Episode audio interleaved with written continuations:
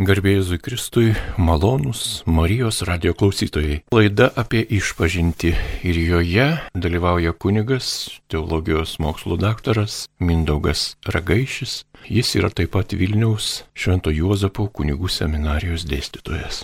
Garbėjai Kristui gerbiamas kunigė Mindaugai. Ramžius. Taigi išpažintis. Pradėkime nuo to, kas jį yra, kam jį reikalinga, kaip jį atėjo iki mūsų laikų ir taip toliau. Na, išpažintis pirmiausia reikia pasakyti, kad yra vienas iš nuodėmės atleidžiančių sakramentų. Na, pirmas iš nuodėmės atleidžiantys sakramentas, jau dauguma jūsų žinot, yra krikštas kada atkrikštiemas. Kūdikis, aišku, jis dar savų nuodėmių neturi, bet taip pat jau jam atleidžiama būna gimtoji nuodėmė, su kuria mes kiekvienas ateiname į šį pasaulį, o kada krikštiemas augęs žmogus, tai paprastai jam atleidžia tada ir gimtąją nuodėmę ir visas kitas iki tol padarytas jo nuodėmės. Vėliaugi jau po krikšto, jeigu mes prasikalstam Dievui, o tai tikrai įvyksta kartas nuo karto, tai tada reikalinga mums yra išpažintis. Ir išpažintis, na, yra dar vadinama ir sutaikinimo sakramentu. Tai reiškia, kad nuodėmė mus su Dievu supriešina, atsiranda tam tikra praraja tarp jo ir mūsų, ir bet išpažintis, kaip tik su, kaip sutaikinimo sakramentas, mus sutaikina su Dievu. Taip pat, na, išpažinti, žino, kad nu, mes žinome, kad nuodėmė jinai veikia ir mūsų santykiai ne tik su Dievu, bet ir su artimu. Nes mūsų vat, blogi darbai, ar melas, ar apgaulės, jis supriešina mus ir su kitais žmonėmis. Ir kada mes susitaikinam su Dievu, suprantam, kad tai, ką darėm, buvo blogai, Tai tokiu atveju tada irgi mes būna postumis taikytis ir su artimu. Ir taip pat nuodėmė įneša sumaištį ir į mūsų, mūsų vidinį pasaulį. Dėl to ir kada po išpažinties vėlgi tas, tas daugiau atsiranda tos harmonijos, ateina ramybė žmogui. Na, kas tas yra sakramentas? Na, visų pirma, jisai vis yra regimas ženklas. Pojūčiais patiriamas ženklas. Na, kaip ir, pavyzdžiui, krikšto atveju mes matom, kad yra užpilamas vanduo ir tas, kurį krikštyje jaučia, kaip tas vanduo bėga per jo galvą ar per jo kaktą, arba būna ten, kai teikiamas sutvirtinimas, ten tepama aliejumi ar ligonių patepimas, na, tai tikrai yra kažkoks regimas ženklas. Šiuo atveju, kalbant apie va, taikymasi su Dievu, tai tas regimas ženklas yra ne, ne, ne klausykla, kaip dauguma gal kartais pagalvotų, bet yra pirmiausiai tai, kas atliekama klausykla mokykloje. Ten atėję paprastai pasakom savo nuodėmę. Tai reiškia nuodėmė užpažinimas. Dėl to vat, ir šis sakramentas vadinamas išpažintimi, nes išpažįstam tai, ką esame blogo padarę. Taip pat, na, jau prieš, prieš einantį iš išpažinties, aišku, tas nuodėmės apmastom ir apgailimės. Ir kada einam iš pažinties, irgi pareiškim, kad gailimės dėl nuodėmių ir esame pasiryžę taisytis. Kaip sakant, nenorime likti prie to blogio ir kai Dievas atleis, bandysime iš tų nuodėmių vaduotis. Beje,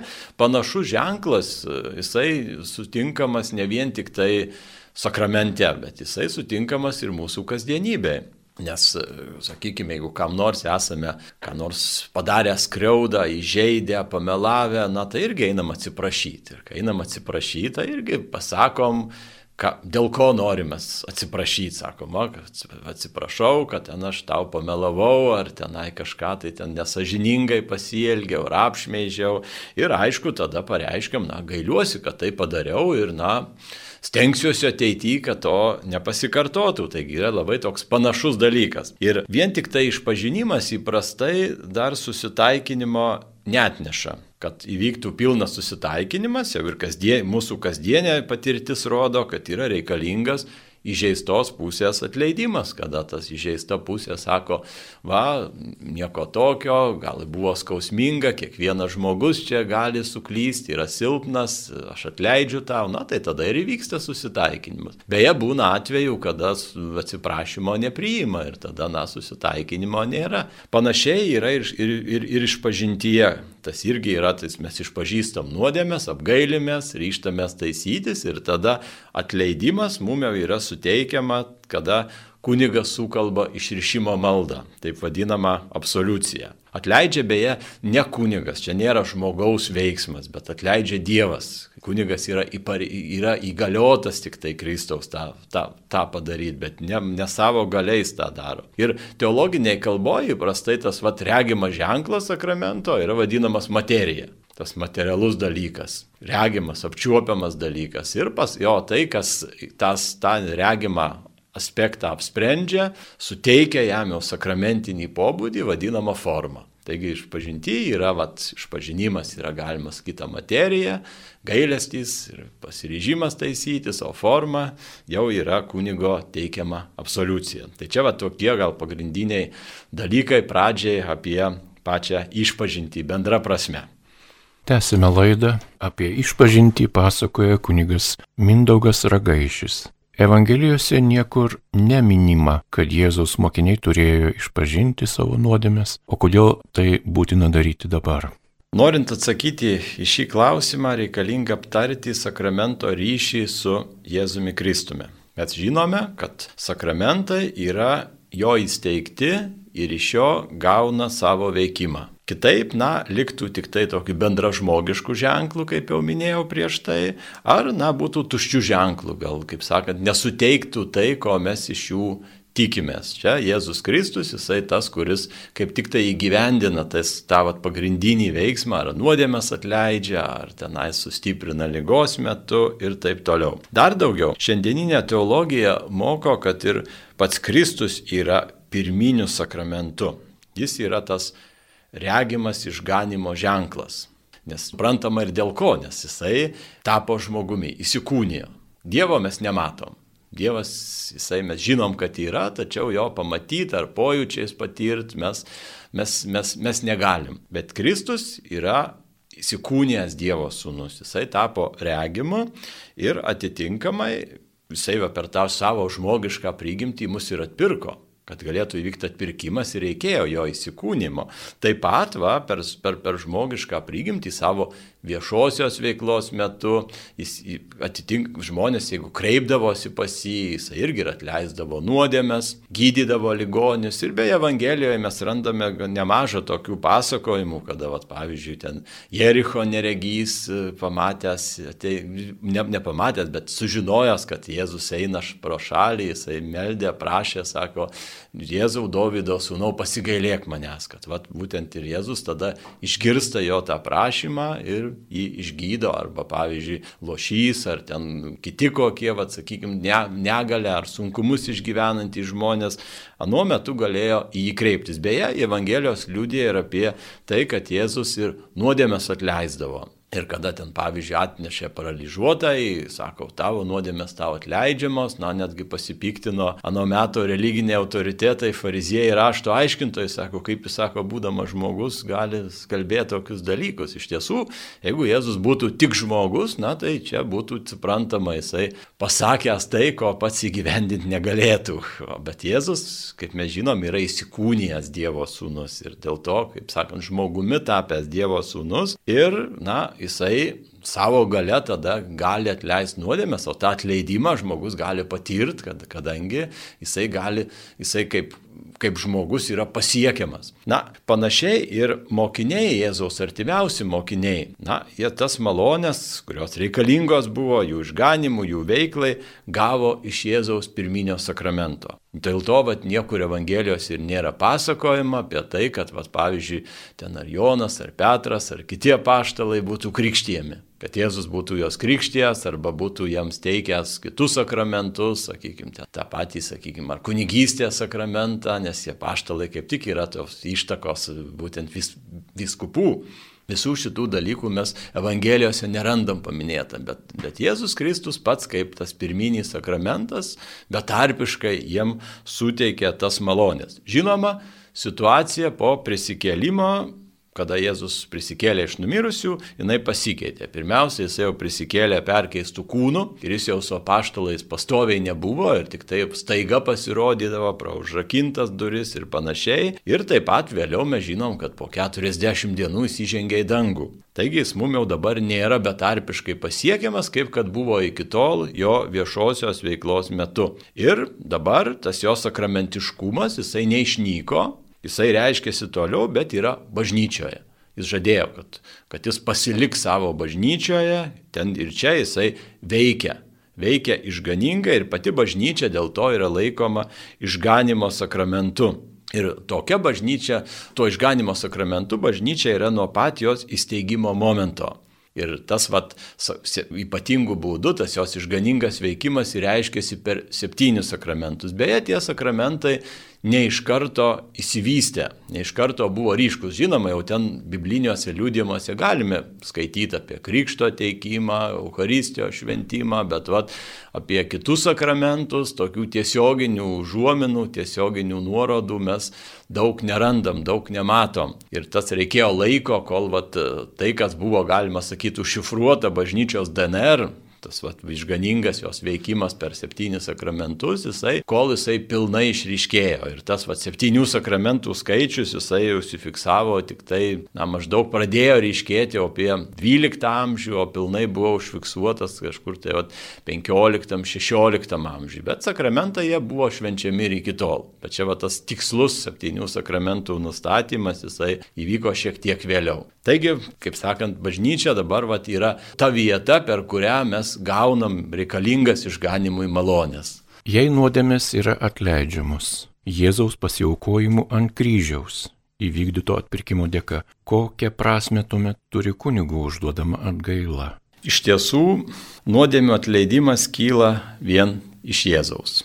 Pats žmogus už savo nuodėmės atsiteist nėra pajėgus. Jau savo laiku, kaip Enzelmas Kanterberietis rašė, kad žmogus yra, nėra tolygus Dievui. Ir būdamas kūriniu, jis negali atsiteisti arba, arba, kaip sakant, kažką tai suteikti savo kuriejui, kas būtų tolygų kuriejo, sta, kuriejo statusą. Ir tai, kad vat, būtų mums atleistos nuodėmės, reikėjo, kad Dievas į savo pusę žengtų tą žingsnį, kad būtų įvykdytas atpirkimas ir kai nuodėmės mums atleidžiamos, tai yra malonė.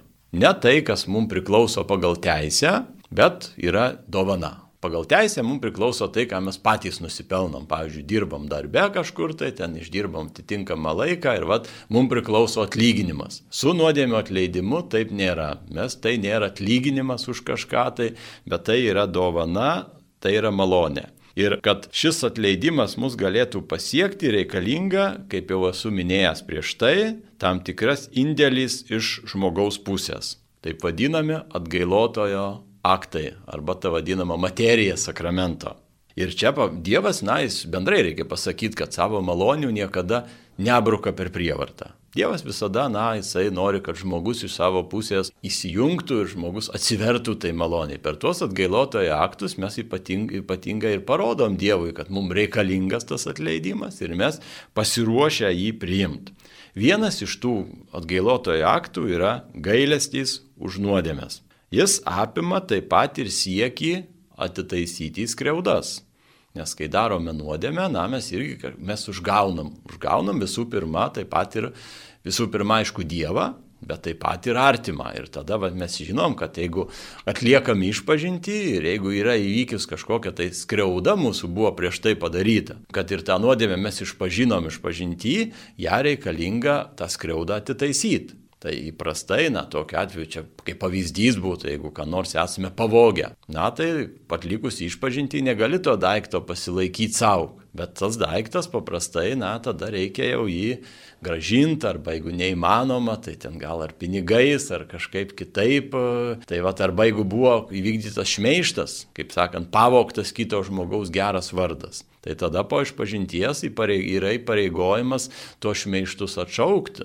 Arba jeigu melas, tai pat tuos melus irgi atšaukti reikalinga. Tai va, tai artimo atžvilgiu reikalingas tas tos kreudos atitaisimas. Panašiai tas toksai atitaisimas skriaudos, nors ir mes, aišku, čia galim daugiau simbolinę prasme, kaip sakiau, pilnai atsiteis Dievui mes ne vienas nebūtume pajėgus ir jeigu nebūtų Jėzaus Kristaus atpirkimo, tai mes na, negalėtume tikėtis, kad mums yra atleistos nuodėmės. Bet bent simboliškai mes atlikdami tas atgailas, kurias uždeda kunigas, kalbėdami tas maldas, tai mes bent simboliškai parodome Dievui, kad mes nepritarėm blogiui, kad mes norime iš jo taisytis ir kad mes, na, esam pasiruošę kiek įmanoma atitaisyti tai, ką esame padarę. Nu tai čia, sakyčiau, tos simbolinės mūsų atgailos yra kaip geros valios aktas. Taip pat, na, atgaila m, turi ypatingai va, rytų bažnyčiose tas aspektas e, ry, ryškesnis, tai ir tokį kaip gydantį poveikį.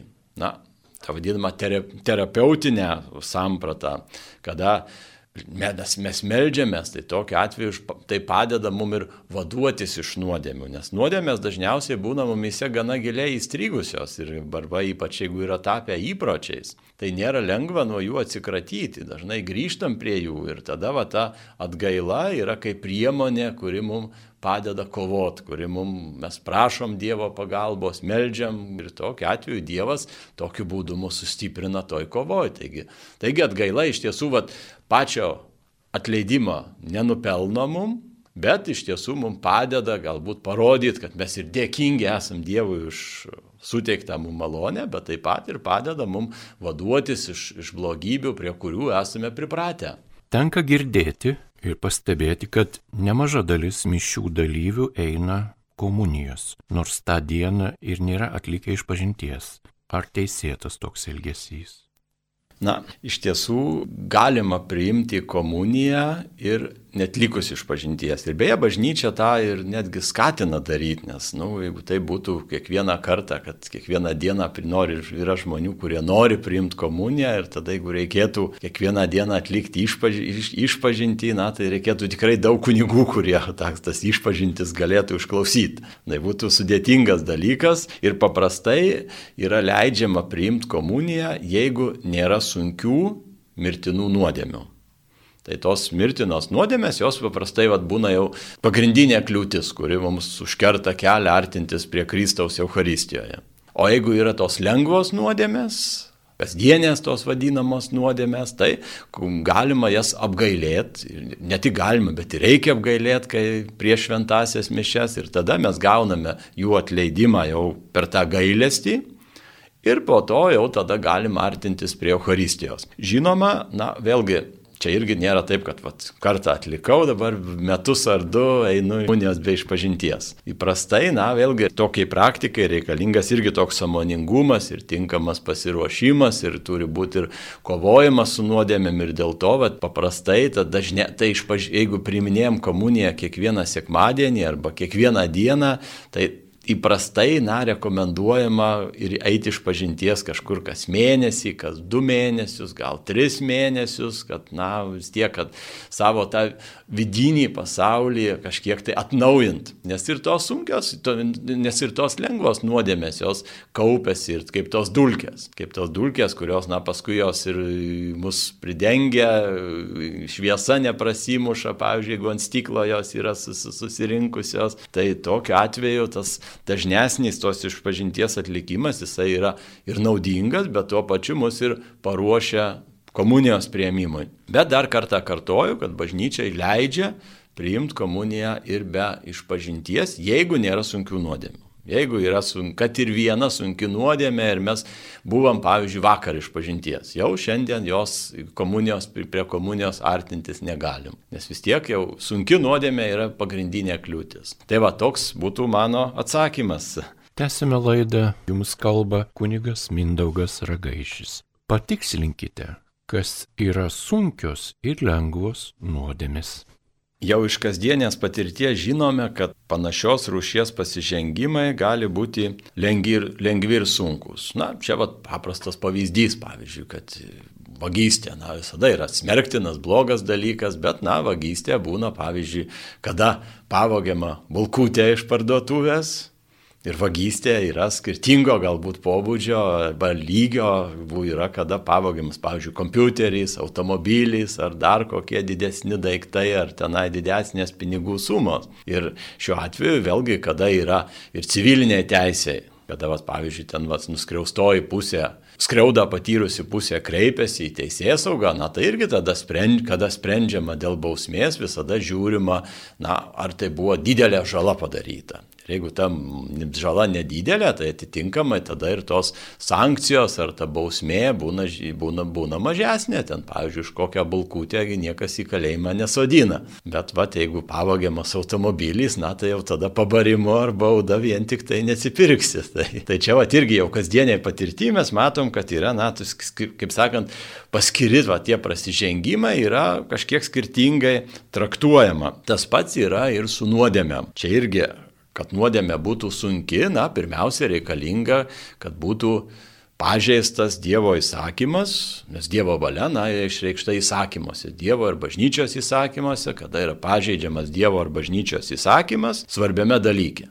Tai, kaip sakant, toks stambiam dalykė, ar ten, pavyzdžiui, yra, būna, pavyzdžiui, skirtumas, arba žmogus meldžiasi nesimeldžia, nesimeldė, pavyzdžiui, pusę metų, ar tenai tas jo nesimeldimas buvo gal tik tai vieną kartą iš viso per tuos pusę metų. Na, tai yra visai skirtingas dalykas. Tai ir tada iš tiesų, kad būtų sunki nuodėmė, reikalingas, na, pirmiausiai toksai didelis dalykas, svarbus dalykas, Dievo įsakymo pažeidimas svarbiam esminiam dalykė. Taip pat, na, kad įvyktų nuodėmė, yra reikalingas ir sunki nuodėmė, reikalingas ir aiškus suvokimas, kad tai, ką aš darau, yra blogis. Kad taip darydamas aš prasižengiu Dievui. Kad tai, kad kaip sakant, labai aiškiai jau tada suvoki, kad šitas šituo veiksmu aš pažeidžiu Dievo valią. Tu tai žinai, nes būna kartais, kad aš žmogus gal tuo metu nelabai ir suvokia ir išklausant iš pažinčių kartais sako, aš tuo metu to nesupratau. Na, jeigu žmogus tuo metu to nesuprato, na, tai ko gero tokia sunkesnė nuodėmė gal ir nebuvo. Žinoma, šitoje vietoje irgi yra vienas niuansas, yra ar žmogus turėjo galimybę sužinotai, arba gal kartais tas jo nežinojimas susijęs su, na, su samoningu, gal vengimu kažko tai, ar nenoru ten gilintis, tada gali tas kažkiek tai pakeisti situaciją. Bet iš esmės, jeigu žmogus nežinojo, tai dažniausiai jau sunkesnės nuodėmės tokiu atveju nėra. Ir trečias aspektas yra tai laisva valia, kad, kad tas vat, nuodėmingas veiksmas buvo atliktas laisvai. Niekas nevertė, nebuvo kažkokia, kažkas tai, kas sušautų už nugaros tenai vertė tą daryti, tai ir tada tokiu atveju, jeigu laisvai pri, pri, priimtas sprendimas, irgi tada rodo, kad jau žmogus samoningai, norėdamas rinkosi, norėdamas visą tai darė tą blogą darbą. Taigi sunki nuodėmė yra, kai sueina visos trys šios mano paminėtos ir aptartos trys sąlygos. Jeigu trūksta bent vienos iš jų, kada ten arba prasižengiama, pavyzdžiui, kokiam mažam dalykė, arba ten to trūksta aiškaus žinojimo, supratimo, kad daromas blogis, arba nėra laisvės, tai tokiu atveju nuodėmė paprastai būna lengva. Tenka girdėti sakant, kad buvo išpažinties ir negavo išrišimo. Kokiais atvejais taip gali nutikti bendrai, kokie trūkumai išpažinti daro bloga? Na, pradėsiu nuo antros klausimo dalies. Paminėti trūkumai, na, iš tiesų, kurie išpažinti gali daryti blogą, na, tai pirmiausia kyla ne iš Dievo. Dievo gailestingumas yra begalinis ir tai, ką jisai žada, jisai visada išpildo. Dievas tikrai visada tai, ką sako, tai jis nemeluoja. Ir, na, kada mes atliekam išpažinti, tai bent jau iš Dievo pusės visada mes galim tikėtis tikrumo. Ir beje, čia va irgi svarbus dalykas, kai mes, pavyzdžiui, juk galim irgi, kaip sakiau, nuodėmės gali atleisti ir gailestys, ypatingai tas lengvas nuodėmės, bet mes, kada gailimės, mes niekada tiksliai nežinom, ar mes gavom Dievo atleidimą, ar negavom. Tai tokio aiškumo mes neturim, mes tik tai tikimės, kad taip yra. Bet kai kalbam apie sakramentą, jeigu įvyko tas pilnas sakramentinis ženklas, suėjo, kaip sakant, materija ir forma, tai tokiu atveju tas atleidimas yra tikras. Ir tada kunigas, kai duoda išrišimą, sako, tavo nuodėmės atleistos, eik ramybėje. Taigi, kaip sakant, jau nuodėmės atleistos. Tai čia vat, iš Dievo pusės, na, visada tas, vat, tai, kas yra reikalinga, Dievas iš savo pusės visada atlieka. Tačiau, kad galėtų įvykti sakramentas, na, kaip sakiau, reikalingas ir žmogaus indėlis. Ir iš žmogaus pusės reikalinga, kad ta materija būtų integrali. Šiuo atveju, kad būtų pilnas sunkių nuodėmių užpažinimas pagal jų skaičių ir rūšį.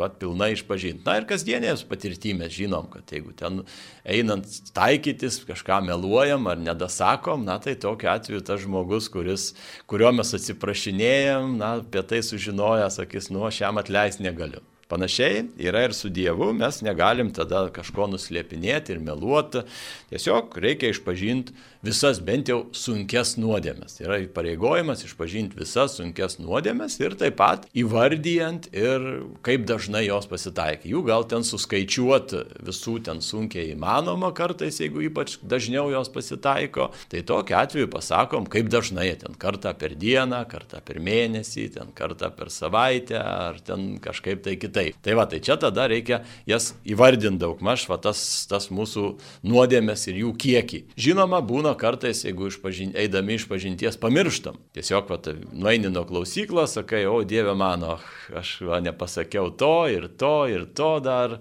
Tai tokiu atveju, jeigu buvo pamiršta, tai išpažintis gera, tik tai pareigojimas pasakyti per kitą išpažinti, kad vat, buvo pamiršta ir dabar vat, pasakau dar vat, tuos dalykus šalia tų, kuriuos jau buvau ir po to padaręs. Taip pat, vat, kad būtų tas integrali sakramento materija reikalingas ir gailestis iš mūsų pusės.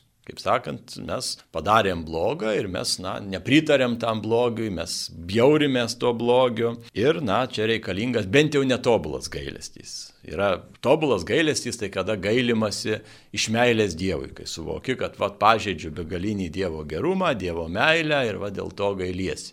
Netobulas gailestis, kuris gal ir dažniau pasitaiko mūsų, mūsų kaip sakant, žmonių atveju, tai kaip gailimės dėl to, kad įsitraukiam bausmę darydami nuodėmę, užsitraukiam bausmę ir, ir dabar vat, reikia mums norim susitaikyti su Dievu, dėl to va ir gailimės. Taigi užtenka išpažinčiai bent netobulo gailesčio ir aišku, reikalingas pasiryžimas taisytis bent jau noras tą daryti, kad aišku, dažnai būna, kad atlieki išpažinti, po kiek laiko vėl grįžti prie senų dalykų. Bet čia, aišku, būna priklausomybės, tam tikras įpročiai žmogaus, na, ne, ne lengva jo, iš, jų, iš jų išeiti arba jų atsikratyti. Bet tokiu atveju turi būti bent jau noras, bent jau siekis. Kiek pavyks, tiek stengsiuosi. Jeigu nepavyks, aišku, ateisiu vėl iš pažinties, bet, bet tas vat, noras irgi yra esminis. Ir trūkstant bent vieno dėmens, nors ir gavus išrišimą, taigi esant sakramento formą, išpažintis kaip sakramentas, dėl materijos trūkumo gali neįvykti. Taigi, jeigu ten, pavyzdžiui, einam iš pažinties ir visai nesigailim, Sakoma, darysiu ir toliau tą patį, čia tik formaliai aš atėjau. Tai tokiu atveju gali, gali būti, kad mes ir negavom nuodėmio atleidimo, nes, na, iš tiesų nėra tos, to asminio iš mūsų pusės reikalingo momento, kad nėra materijos integralumo arba, pavyzdžiui, Panašiai gali nutikti, jeigu ir neturėjom noro visiškai taisytis. Ir jeigu kunigas mato, kad čia va šitoj srityje yra trūkumai, jis neturi teisės duoti išrišimo. Ir jeigu ateina žmogus, sako, aš visai nesigailiu.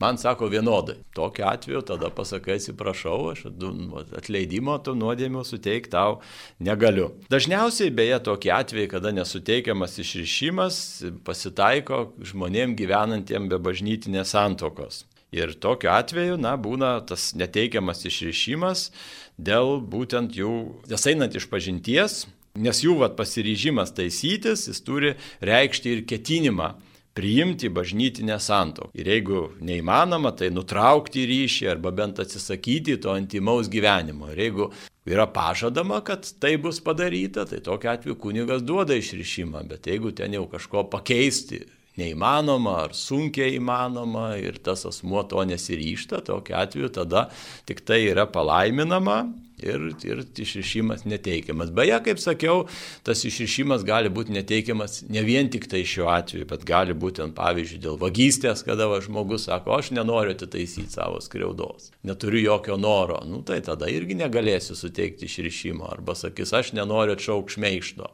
tai, ką pasakiau, aš nenoriu atšaukti. Nu, tai tada irgi negalėsiu suteikti išrišimą. Tai va, tai čia tokiu atveju, kada va, negaunamas išrišimas, na, tai jau priklauso nuo žmogaus dispozicijos, ar jisai yra pajėgus priimti atleidimą ar ne.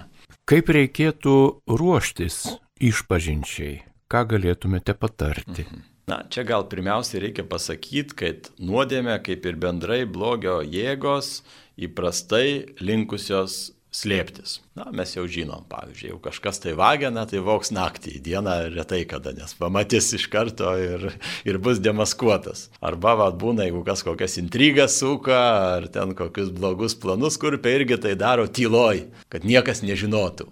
Taigi blogis jis visada slepiasi, jis, jis nenori būti pažintas, nenori būti demaskuotas, kad tyliai galėtų vykdyti ardomą į darbą. Tas pats yra ir su nuodėme. Nuodėmė įprastai yra linkusi slėptis.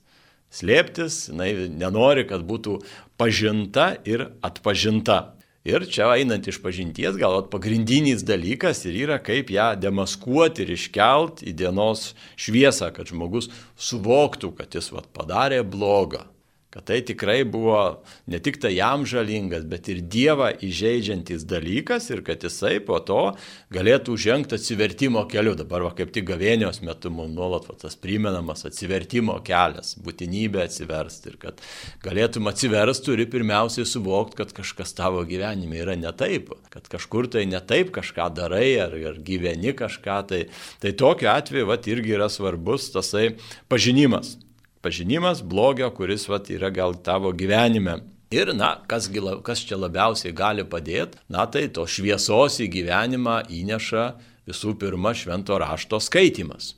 Dievo žodis. Kai Dievas mums kalba, jis kaip tik ir apšviečia mūsų vidaus tamsybės ir padeda atpažinti nuodėmę. Ir dėl to tas, aišku, toks rengimas į išpažinčią arba atgailos sakramentui, na, jisai jau dažniausiai būna ne, ne tai, kad tik paskutinę minutę, bet jau kada mes reguliariai skaitom šventą raštą, mes jau atliekam tą pasirengimą, jau mums Dievo žodis padeda pažinti save. Bet taip pat rekomenduojama paskaityti šventą raštą ir prieš einant iš pažinties gal kokią nors tipiškesnę vietą, kuri labiau atskleidžia arba nuodėmės kokį blogumą, ar, ar ten, sakykime, sakykime, skleidžia Dievo gailestingumą, kad vat, irgi toks vat, kokios nors ištraukos paskaitimas, tai būtų naudingas. Taip pat, kas dar padeda pažinti nuodėmės, yra šventoji dvasia. Ji kaip tik veikia mumyse ir jos veikimas pasižymi tuo, kad jinai duoda šviesos. Ne tik tai duoda postumį veikti, skelbti tikėjimą, bet taip pat ir apšviečia mus ir dėl to irgi turim prašyti jos pagalbos, kad, kad, kad ji mums čia vat, pagelbėtų gerai pasiruošti išpažinčiai. Beje, ir bendrai malda čia šitoje vietoje yra naudinga ir patartina. Taigi bet kokiu atveju pasimelst prieš atliekant sąžinę sąskaitą, prieš einant iš pažinties, ne tai, kad iš karto vat, pamačiau, kunigas laisvas, prieėjau iš pažinties, bet reikia pasiruoštam. Prasiruoš galbūt jau būnant namuose, ar šventą raštą paskaityti, ar pasimels, kad va, tikrai va, tas, tas Dievas padėtų mums tinkamai pažinti save. Dabar dėl sąžinės sąskaitos, na tai čia yra ir tam tikra pagalba, Yra ten va tie Dievo, bažny, Dievo ir bažnyčios įsakymai išdėstyti paskirais klausimais. Tai čia galima rasti maldynuose, Taip pat galima rasti internete, čia vėlgi pagal skonį, kiekvienas gali, gali pasieškoti. Pasieškoti ir jie iš tiesų, ypač jeigu tie, kurie rečiau eina iš pažinties, tai yra labai naudingi ir reikalingi. Tas, kuris dažniau eina iš pažinties, tai dažniausiai jau tuos pagrindinius dalykus žino. Bet va tas, kuris rečiau išpažinti praktikuoja, tai tikrai būtų rekomenduotina susiras kokį nors maldyną ir jame jo pagalba atlikti sąžinę sąskaitą. Būna tokių atvejų, kuomet išpažinties reikia eiti pas pažįstamą kunigą. Neretai kausto gėdos jausmas. Kaip tokiu atveju elgtis? Ką čia gali padaryti mano draugas atsivertimui atgailai? Mhm. Na, įprastai mes noriai pasakojame apie savo pasiekimus. Tai čia, va, jeigu kažką tai padarom išskirtinio arba kažką tai gero padarom, na tai norime, kad visi apie tai žinotų ir tada būna, kad ten socialiniuose tinkluose reklamuojame arba kai va susitinkam draugų rate, visą tai mielai pasakojame. Kitaip yra tačiau su trūkumais ir klaidom. Niekas nenorim apie tai kalbėti, atskleisti tokių dalykų, stengiamės juos slėpti. Na, Ir suprantama, kodėl. Na, mes, kada kiti žino mūsų silpnasias vietas, gali tuo pasinaudoti. Jie gali, kaip sakant, kaip mūsų va, tos, tas, pasiremdami tai, kas mums būna toksai gal tokia kaip silpnoji vieta, gali ten ką nors savo naudos siekti, arba gal ten kaip nors pasijuokti gal kokioje situacijoje ir panašiai. Taip pat tas vad blogų dalykų arba tai, kas mūsų klaidų, trūkumų iškelimas, jisai greuna ir įvaizdį. Norime, kad mūsų įvaizdis būtų tobulas, geras, kad kiti matytų mus iš tiesų geresnius negu esame. Visi mes to norim, visi to siekiam ir dėl to vat, pasakot atvirai apie savo trūkumus, na, mes tikrai jokio noro neturim.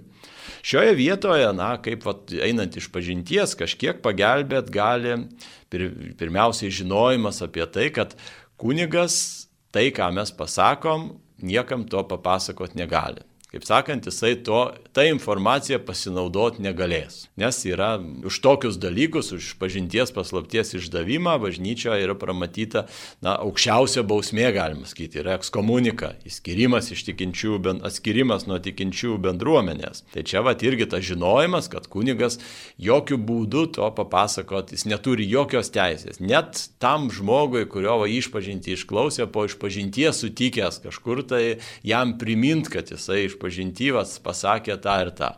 Pažinties paslaptis galioja absoliučiai ir čia kažkokiu tai išimčių ar kažko panašaus nėra. Taip pat gal čia kažkiek pagelbėt gali šitoj vietoje ir suvokimas apie bendrą žmogaus nuodėmingumą, kad, na, ne aš vienas toks esu. Ir dažniausiai būna, kad mes kažkokią nuodėmę padarę galvojam, kad, nu, čia kiti gal to, kitiem tas nėra pažįstama ar žinoma. Dažniausiai tos klaidos jos kartojasi ir, ir žmonės ir vieni, ir kiti daro, elgesi labai panašiai. Tai dėl to, va, irgi tas suvokimas, kad aš ne vienas esu toks, yra ir daugiau tokių, ir čia, va, sakydamas savo nuodėmės, aš kunigo kažkaip tai nenustebinsiu bent jau, jis jau bus tos dalykus girdėjęs ir, ir tai tikrai, va, yra, kaip sakant, tai, kas priklauso žmogaus būčiai, jos, jos silpnumo išraiška. Bet labiausiai šitoje vietoje padėti gali tikėjimas tikėjimo ir pasitikėjimo Dievu ūkdymas. Mes žinome ir šventas raštas liūdė, Evangelijos liūdė, kad Dievas mūsų laukia ne tam, kad pasmerktų ar nubaustų. Jis laukia, kad mus, mums atleistų ir mus apkabintų savo gailestingumu. Čia vat ryškiausias pavyzdys yra Jėzaus pateiktas gailestingo tėvo arba sūnaus palaidūno tas palyginimas kuriame ir pasakojama, kaip nuklydęs sūnus, tik tai po ilgų klajonių ir, ir patirtų nesėkmių tik tai susimasto, kad jas gali grįžti pas tėvą buvo geriau ir tada jisai nusprendžia grįžti atgal. O tėvas, kaip tas minėtas palyginimas pasako, jau laukia jo, iš tolo pamato.